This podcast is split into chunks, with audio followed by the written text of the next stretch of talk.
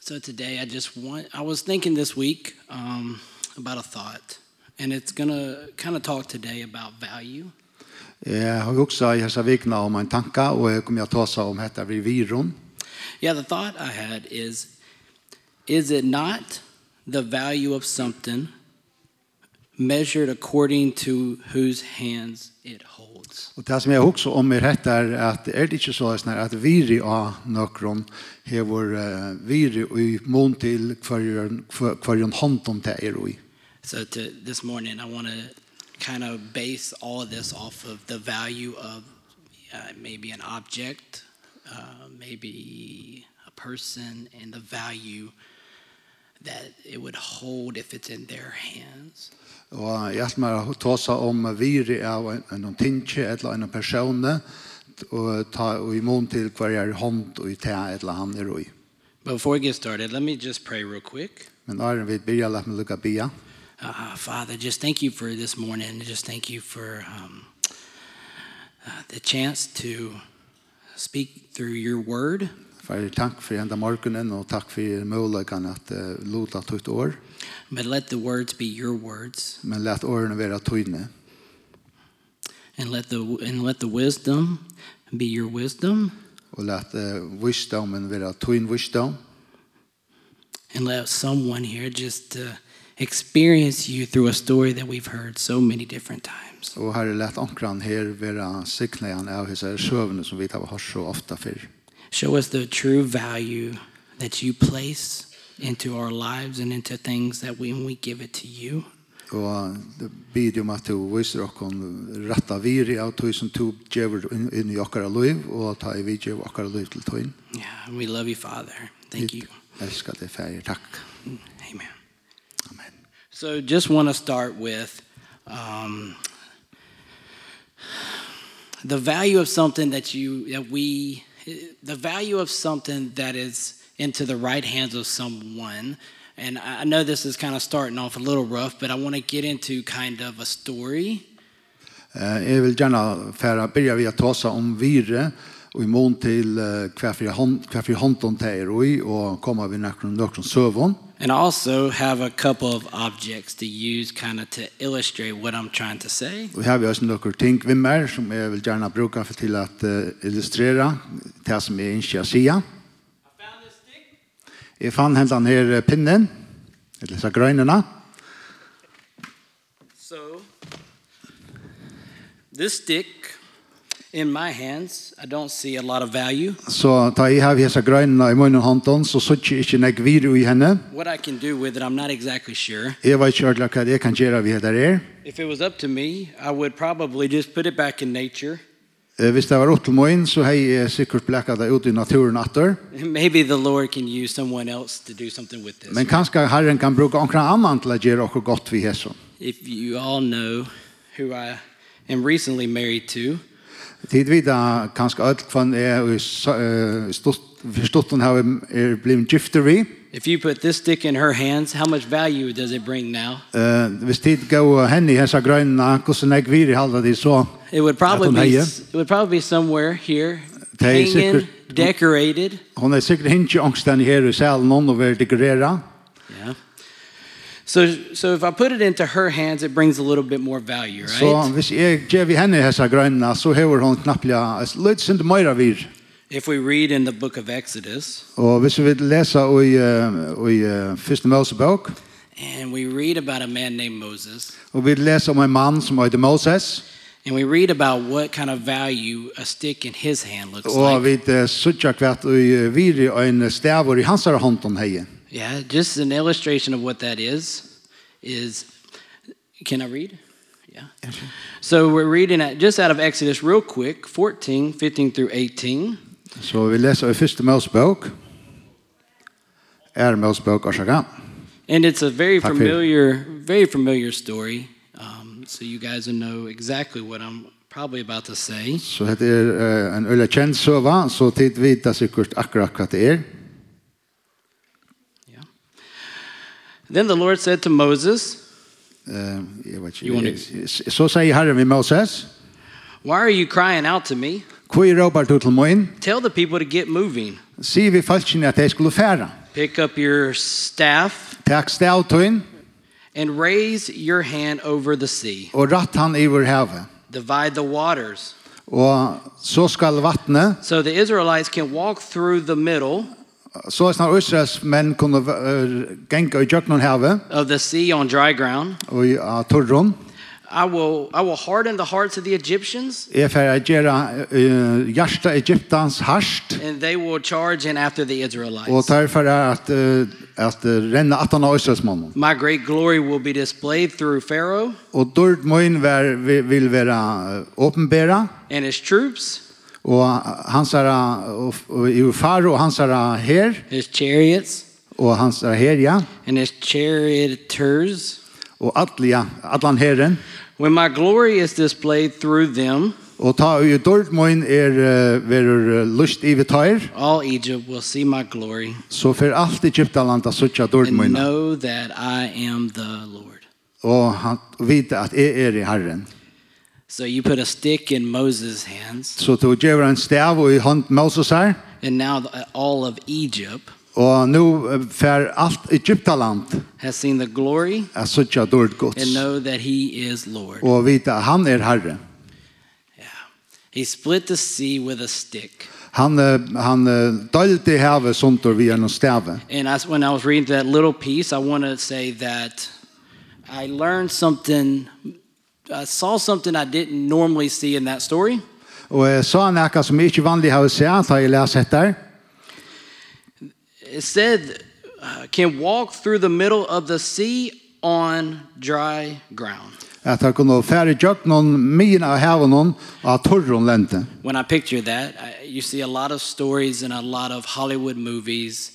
The guy does this, Vi ser ikke ofte i, i eh, Hollywood-filmen at mm, eh, han gjør så leis, the water, the water goes up, og så fer vattnet opp, and then you see people walk through. og du ser ikke at falskene begynner å gjenge jøk noen. But the way that this translation says this, Men det er snart, så snart som det stender her, They walked on dry ground. så, eh, så gjenge det av torren. They didn't walk through puddles. De får ikke jøk noen eh, s- en sump, They didn't swim through the sea. de svommer ikke jøk noen s- havet, So the value of this stick så viri av hessen staven noen, has gained even more than we thought. her hever kanskje større viri enn det som vi hildo. The stick not only parted an entire sea, Eh, Det er ikke bare, han er ikke bare uh, kort havet i tvei, I, in my imagination, I can think that if a lady has a dress on, it did not get dirty that day. og hvis jeg husker så er det sånn at om en dama, en kvinne, hei en, en kjøle av han dagen, så hei hun ikke vil eh, blive skiten. The, the Lord provided a value more than what Moses even could imagine. Eh, og god han gav taim og meira enn kvært og Moses kunne huksa seg. Okay, so I want to move on. Så nå fer jeg videre. We're going to go we're going to look at a story that you, everyone has probably read a hundred times. Vi fer hitje etter denne sjøve som uh, vi tar oss kanskje var hørst hundra affærer om. John 6, Og i Johannes kapittel 6, 1 through 15. eh, fra vers 8 til 15. Yeah, and I can I can read it and do you, you want to read it? Do you want to just with me? It's up to you. You read it at least first, I think. Okay. Yeah. I'm just going to read it. It- This is the main part I want to kind of sit into this morning just for a few minutes. Um, so it's it's the story of Jesus feeds the 5000s. So if Eddie- you know okay. Det heter søvann om ta Jesus uh, gjever dem om 5.000 at eta, eller mettar til 5.000. Yeah. After this, Jesus crossed over to the far side of the Sea of Galilee, also known as the Sea of Tiberias. A huge crowd kept following him wherever he went because they saw his miraculous signs as he healed the sick. Then Jesus climbed a hill. He sat down with his disciples around him. It was nearly time for the Jewish Passover celebration. Jesus soon saw a huge crowd of people coming to look for him. Turning to Philip, he asked, Where can we buy bread to feed all these people? He was testing Philip, for he already knew what he was going to do. I want to stop here and say I want everyone to kind of remember this little conversation Jesus is going to have with Philip and Andrew. Stedgeløg her til vil gjerne ha vidt ødel skilja hessa samråna som Jesus hever vi Filip. So I want to keep going. Philip replied, Even if we worked for months, we wouldn't have enough money to feed them. Then Andrew, Simon Peter's brother, spoke up. There is a young boy here with, a, with five barley loaves and two fish. But what good is that with a huge crowd? So, telling everyone to sit down, Jesus said, So they all sat down on the grassy slopes. The men alone numbered about 5,000 people. And we want to remember that. That was 5,000 men with their families, the wives and children. Og jeg minnes til her var 5.000 menn omframt kvinner og bad. So if if you even if you have one husband, one wife, and just one child, now he's actually looking at fifteen thousand people. Så hvis vi bare har en mann og en, kve, en kone og et bad, så tas vi om 15.000 mennesker. Yeah. So then Jesus took the loaves, gave thanks to God, and distributed them to the people. After he did the same with the fish, and they all as much as they or they ate all as much as they wanted. After everyone was full, Jesus told his disciples, Now gather the leftovers so that nothing is wasted. So they picked up the pieces and filled 12 baskets with scraps left by the people who had eaten from the five barley loaves. When the people saw him do this miraculous sign, they, ex- they exclaimed, Surely he is the prophet we have been expecting. When Jesus saw that they were ready to force him to be their king, he slipped away into the hills by himself. So reading this story, I was thinking about we were like the day, today's thought was about value.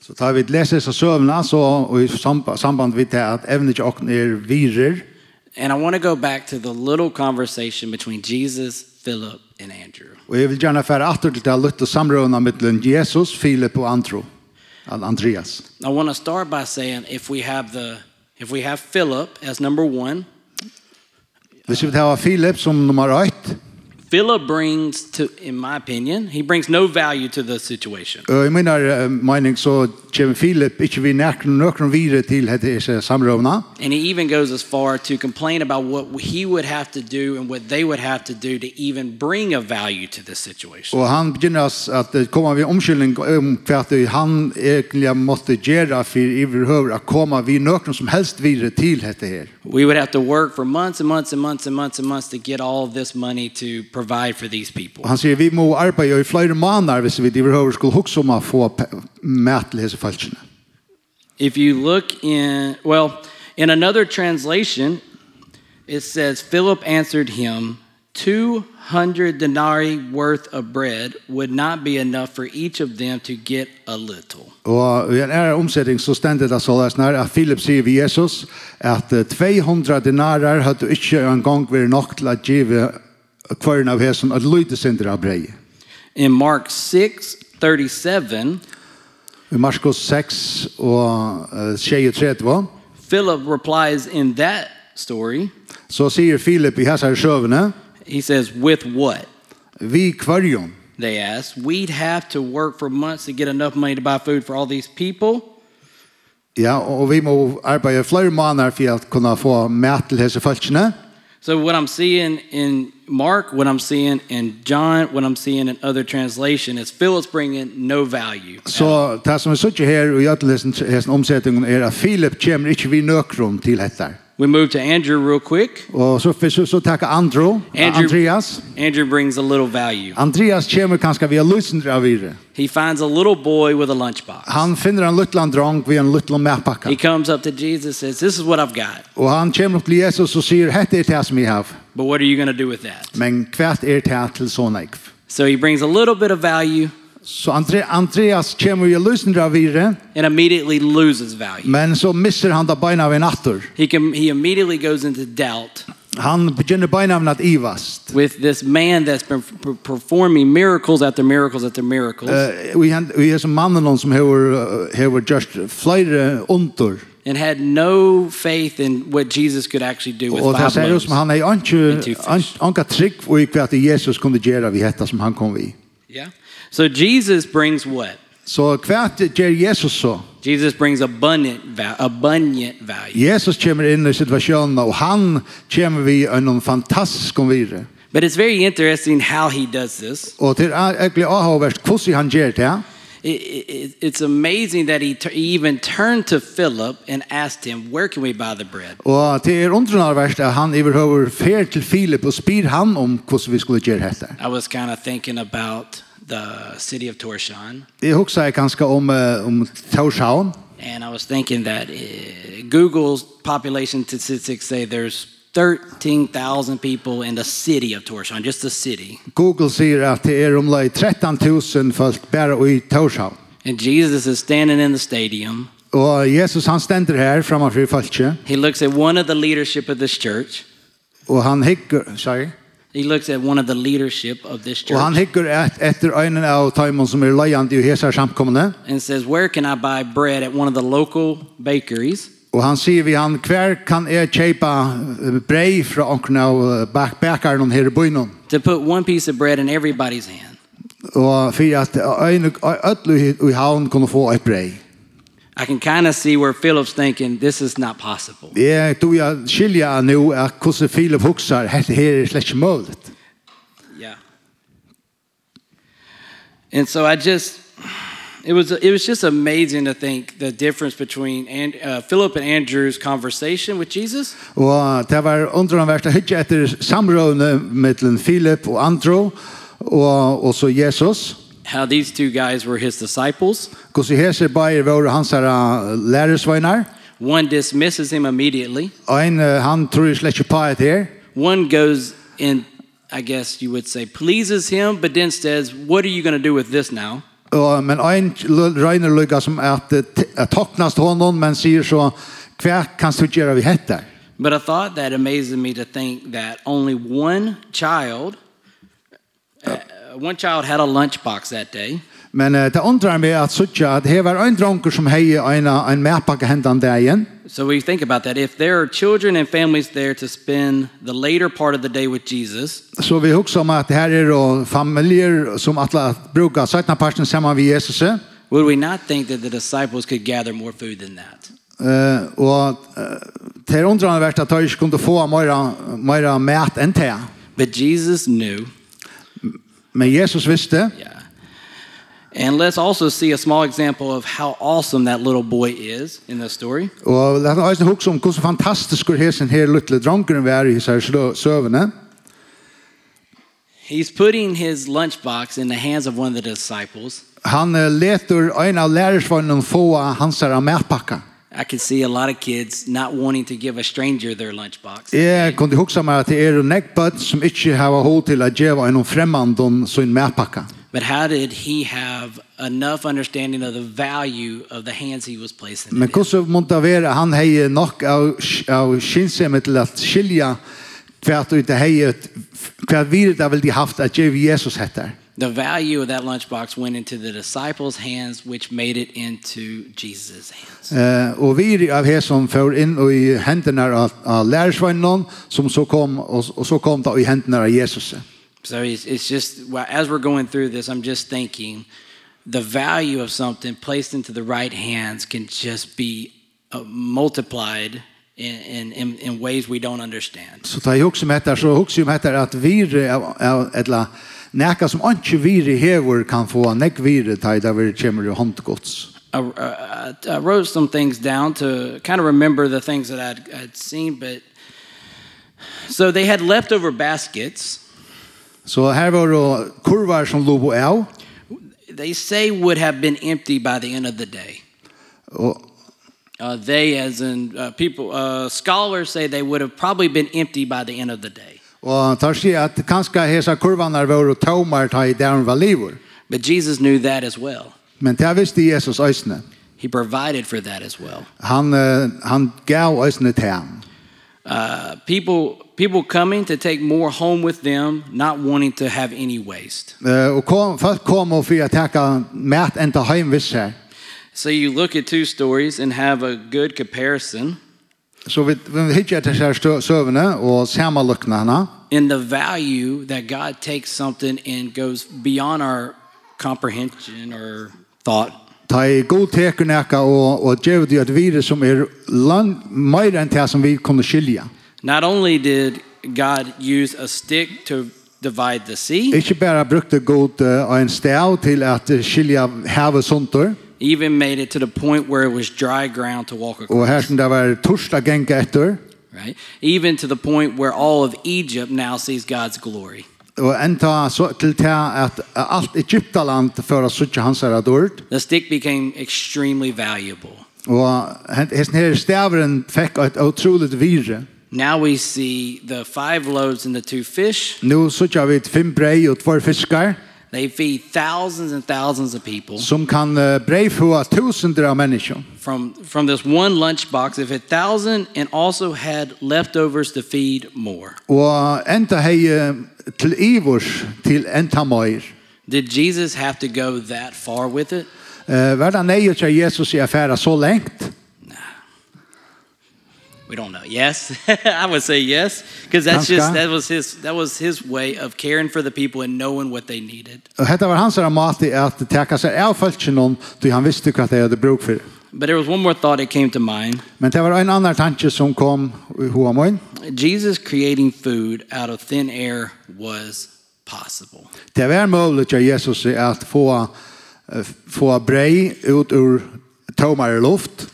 but he never really worked that way Men det er, eh, vi sier ikke omgang at Jesus arbeider på tammata. He wanted to show the people to place what they had, what they had into his hands, Han Nei. ville vise folk noen at det som de selv hadde i hånden, hånden så innan, so that he can bring the value to that meal that day. kunne ha vire hvis, i, eh, hvis han fikk det. Ja. ja den dagen. Yeah. So, and then eh, a little bit more kind of goes to this. I was just going to throw this in there. Og et annet som jeg har hukket om, In Luke 9, uh, it's the same story, but at the end of Luke's kind of uh, 5,000 feeding, og i Lukas kapittel 9, there, her, wa- there, her tar han øysen om at han, får, eh, han breiføyer 5000 folk. there was one disciple that saw value in this man. Her var det en eh, lærersvøyne som sa vire i Jesus. He doesn't speak up through the story, Han leier okken ikke jøk noen søvende, but you, when you read in Luke 9 18, men da du leser Lukas 9, kapittel eh, 9, 18, yeah, 18 through 20, Jøkken 20. one day Jesus left the crowds to pray alone. Eh, Så stendte det her, en dag så kom, eh, eh, ja, en av firmaen han bæ, Only his disciples were with him. og en som var tja honom åttan lærersvannene, And he asked them, spurte han tøyr, Who do people say I am? hvem sier folk med vera? Now, here comes all the answers, real quick. Og her kommer alt sværene, Well, they reply, Some, oh, sorry, some say John the Baptist. yeah, just read it, they can Yeah, yeah. read it there. Some say John the Baptist, some say Elijah, and others say you are one of the other ancient prophets risen from the dead. Then he asked them, But who do you say I am? It- It's like Jesus said, What value do you really see in me? Det er som Jesus sier her, hva, hva virus suttja tid og i mer? And that one disciple that we all love, Og han, den ene lærersvannene som vi alle elsker, Peter replies, You are the Messiah sent from God. And so in that text, you kind of really start to see that one disciple had zero value in him, så er i hessen teksten og samanla- samanlagt, så suttja vi at en lærersvannene hei ikke vire, kom ikke vi noen vire, one disciple has some value, but then goes to the other side. Tan eini hei kom vi av sintur, men så trakk han seg attur. So he's doing the roller coaster, Så han gjør uh, rollercoaster. or, eh, or Uh, waver, rutschbana. wavering in Yeah. his faith. And then one has full value in Og Jesus. tan eini, han, han hever fullt uh, vire, eller kjem vi fullt om vire og tror på Jesus. So in this passage, we are seeing so many examples Så her sykja vi så nek dømer of how much value people are putting on who Jesus is. om hvordan nek vire vi seta ui hver Jesus er. But only Peter understood the true value of this man who was among them. Men bara jag Peter sa ta sanna viru hos mannen som var i mitten där. So to go real quick into one more illustration of that. Uh, There's so much we can unpack in this story, Så hvis vi tar en ära illustration vi har sån. but I want to kind of stay as much on topic of this this word value as I can. Eh Reina tar så snägg om det här vir eller det här ävne virer som jag kan. We all know the story of the crucifixion. Vi kjenner öll vir eh, sövna om eh, krossfästen Jesus här. So I was given this this morning, Så onkel Gamar heter i morgon. a beautiful nail, Heter en eh, vacker nagle. and I was thinking, okay, this nail in my hands, Och jag huxar över mig själv när hesen naglen och i mina i hand. I wasn't raised in a family that um, had construction background. Jeg har ikke, jeg er ikke kommet opp fra en familie som er van, van vid at eh, bygja. So the nail in my hand probably doesn't have a lot of value. Så eh, hesen naglen og mina i hand hever ikke særlig enn jeg vire. You put the nail in his hands. I, I, Så teker en, en, putter en nagla i hånden av mer, he's probably going to build a house somehow, some way. så fer han sikta bygja et hus ångstene. So the value's increasing. Så eh, vire hakkar. The nail's going to be able to hold up a house, Eh, naglen for å klare å bygja et hus og halda det oppe, uh, a wall, or anything like that, en vegg eller hva det skal være. which will give shelter and comfort to a family. Som kan gjeva um, heim til en familie. So the value's increasing tremendously already. Så nå er vire hakka månande langt her.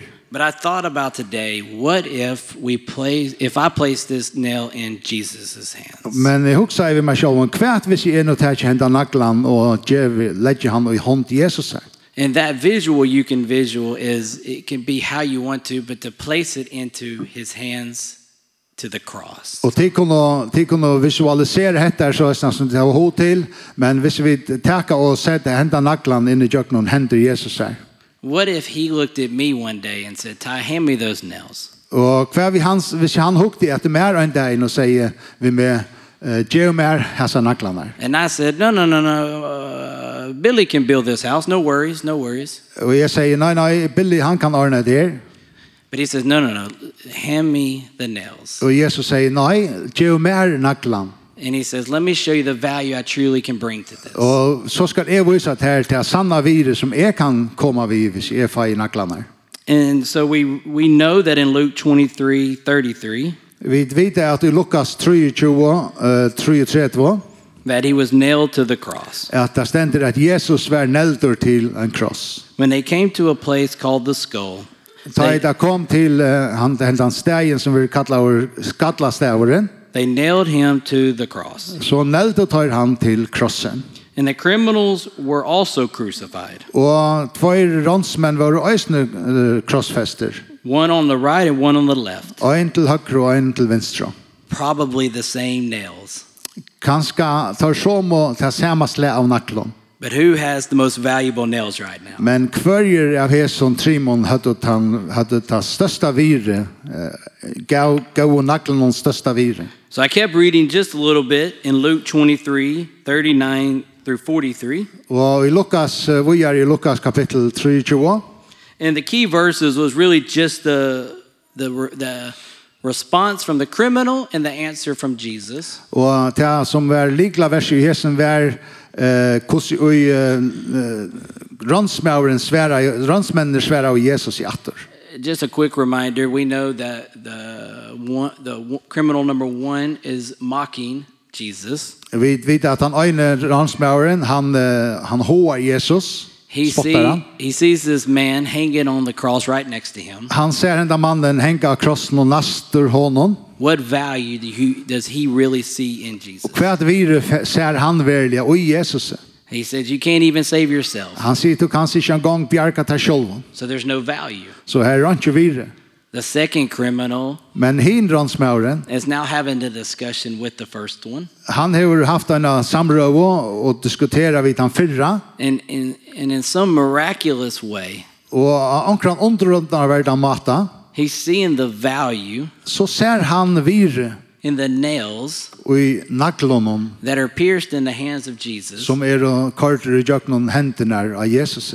He's seeing the value in this man that's hanging on the cross next to him. Han ser knappliga viri av hese mannen som hen- henger vid syene av honom. To the point that he does not beg for saving, Og til til at han ikke, ikke byr om å være bjergaver, he does not plead for his life. han byr ikke om at han skal få liv i atter. He knows that he had no value in the things that he has done. Han visste at han hei ikke viri, det var ikke viri ut i som han hei, But what he does is see the value in Jesus men det som han gjør, han ser viri i Jesus. and says, Remember me when you come into your kingdom. Og han sier, minst til moin, ta i to kjemer inn og i tutt rujtje. What value was it placing his life into the hands of a man?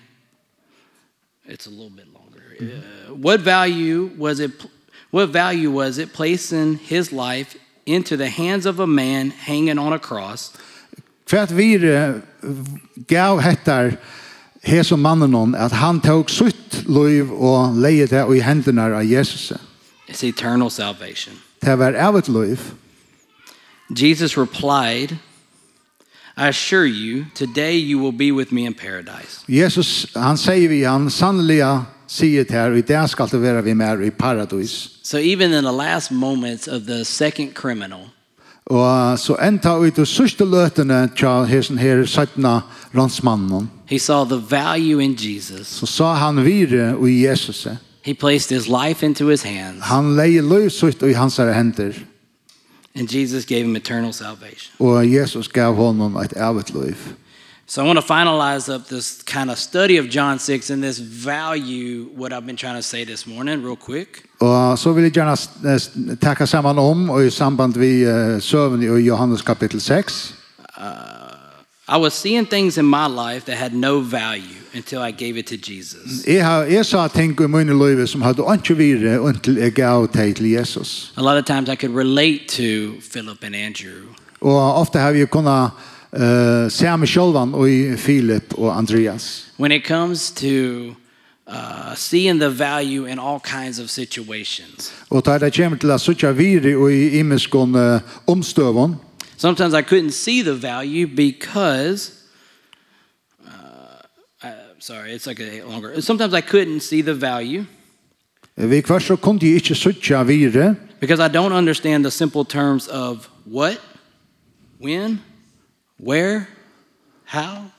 Så jeg er ikke skilt uh, etter her vi kusse og kvær og, og, og så framveis. Jeg kunne hette skulle gjøres. It's the same things that Philip and Andrew th- were thinking about what Jesus' request was.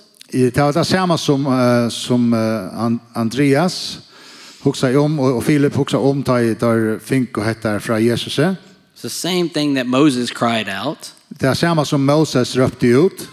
It's the same thing the thieves on the cross discussed between themselves. Det er det samme som uh, ransmennene av krossen diskuterer og syna mittelen. And just real quick, the uh, kind of to relate this to my life, Uh, og hette her som, uh, hvis jeg skal relatera det til mitt egna liv, so after my first trip in Haiti uh, of 2016, Eh, Ta jeg for til mitt, eh, mina første reise i, i 2016. yeah, 2016, 16, yeah, we 2016 og i- til Haiti. yeah we had a medical missions trip, Vi tatt en fer vi skulle hjelpe uh, folk uh, med medisin. and when I got back, Jesus kind of gave me the nudge of, "Can you place your life into my hands?" Og ta jeg kom atter så, så fikk jeg hentan spurningen fra Jesus. Er du villig til at gjøre mer ditt liv? So a couple of years through, after my third trip to Haiti, Og at han er vært tvei, tverfyrre tre til Haiti.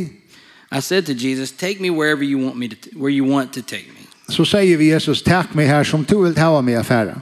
A couple of years into that, og tv- en tvei år at træt, after my third trip to Costa Rica, at når jeg var uh, tverferne i Costa Rica, this was 2021. etter var i 2021, I was partnering with YWAM there, så kom jeg at arbeide sammen med Youth with a Mission, and Jesus wanted to give more value to my life. Og jeg sa at Jesus yngste at djeva munnen løyve og et større vire.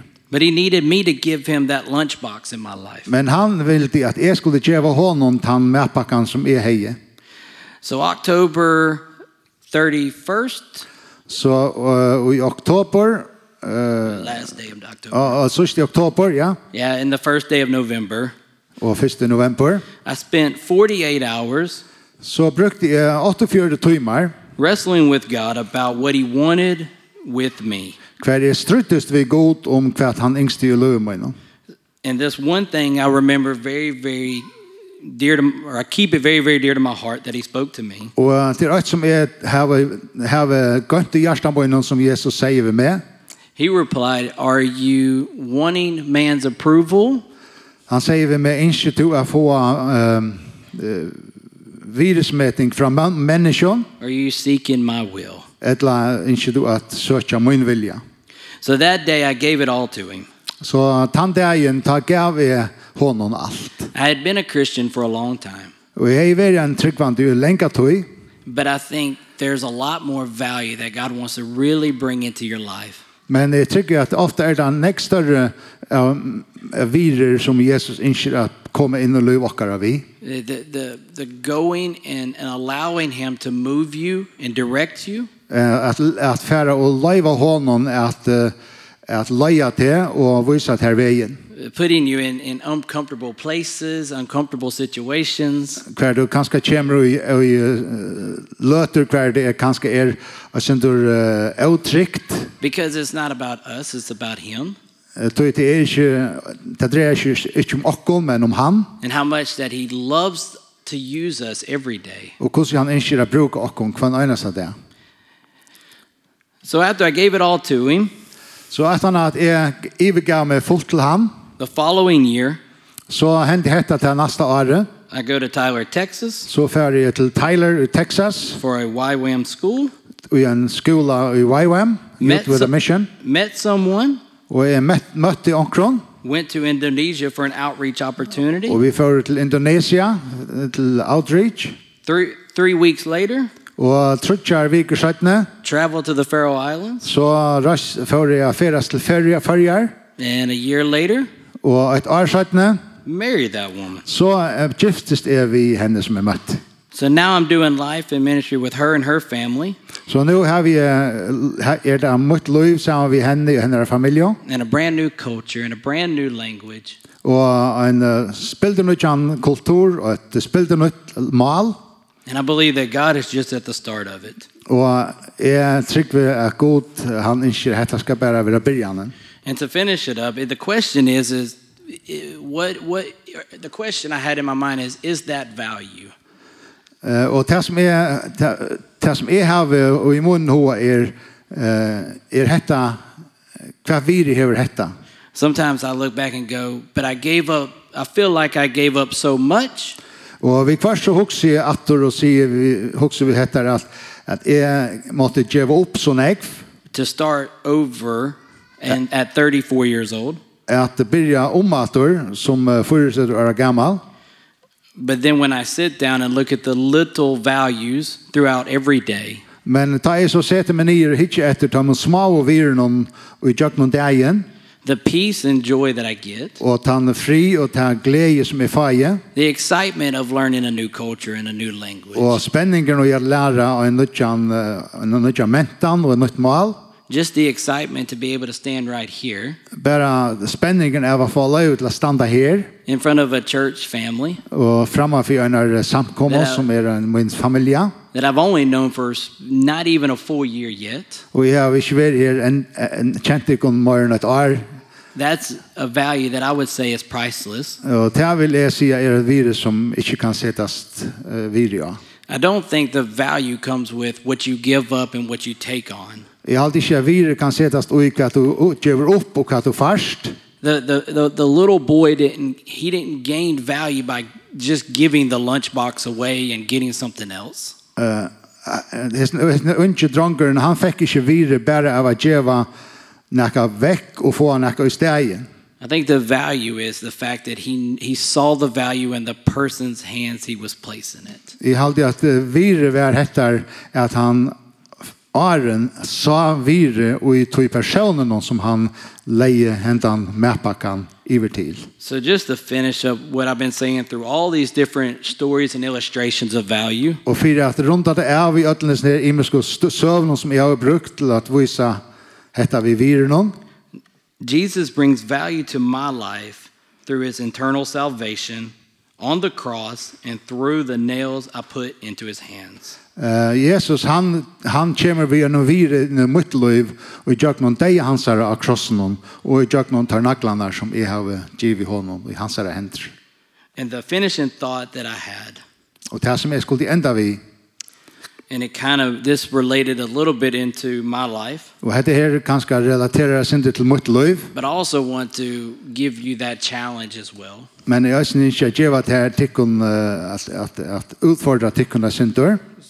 If we are willing to give even a little, Hvis vi er villige til at jeg var bare et lydig synder, Jesus can bless it så kan Jesus signa det, and make it go a long way. og han får at gjøre det til at han kan signa mange ånder. Moses takes a stick, Moses teker en stav, he parts the Red Sea, han eh, splittar re- reiehavet, the ground becomes dry, og uh, her er torr grund, and all of Egypt saw God's glory. og alt Egyptaland sa uh, Guds dård. Moses was willing to give a little.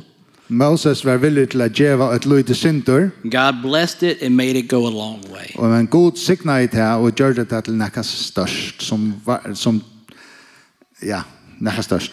The little boy had a lunchbox. I sin lille drongeren hei en uh, lille medpakka, He hands it to the disciple. han gjør det til lærersvennerne, The disciple gave it to Jesus. lærersvennerne gjør det til Jesus. The, vo- the boy seeing the value in Jesus, Og det at, je, at i sin lille drongeren sa viri og Jesus, he gave a little. så gav han et lite synder, Jesus even says right here, he blessed it og det stender her at Jesus var signa i det, and made it go further than they could ever imagine. og han, han tar rått- nådde ut til Møyra enn nekker kunne uimynda seg. And we as believers, Og vi som tryggvande, when we give our lives, Ta vi gjev okkara liv, it might seem like a small little prayer. så kanskje vi halda at det er øyla lyte. It might only feel like a moment. Det er kanskje bare ein løta.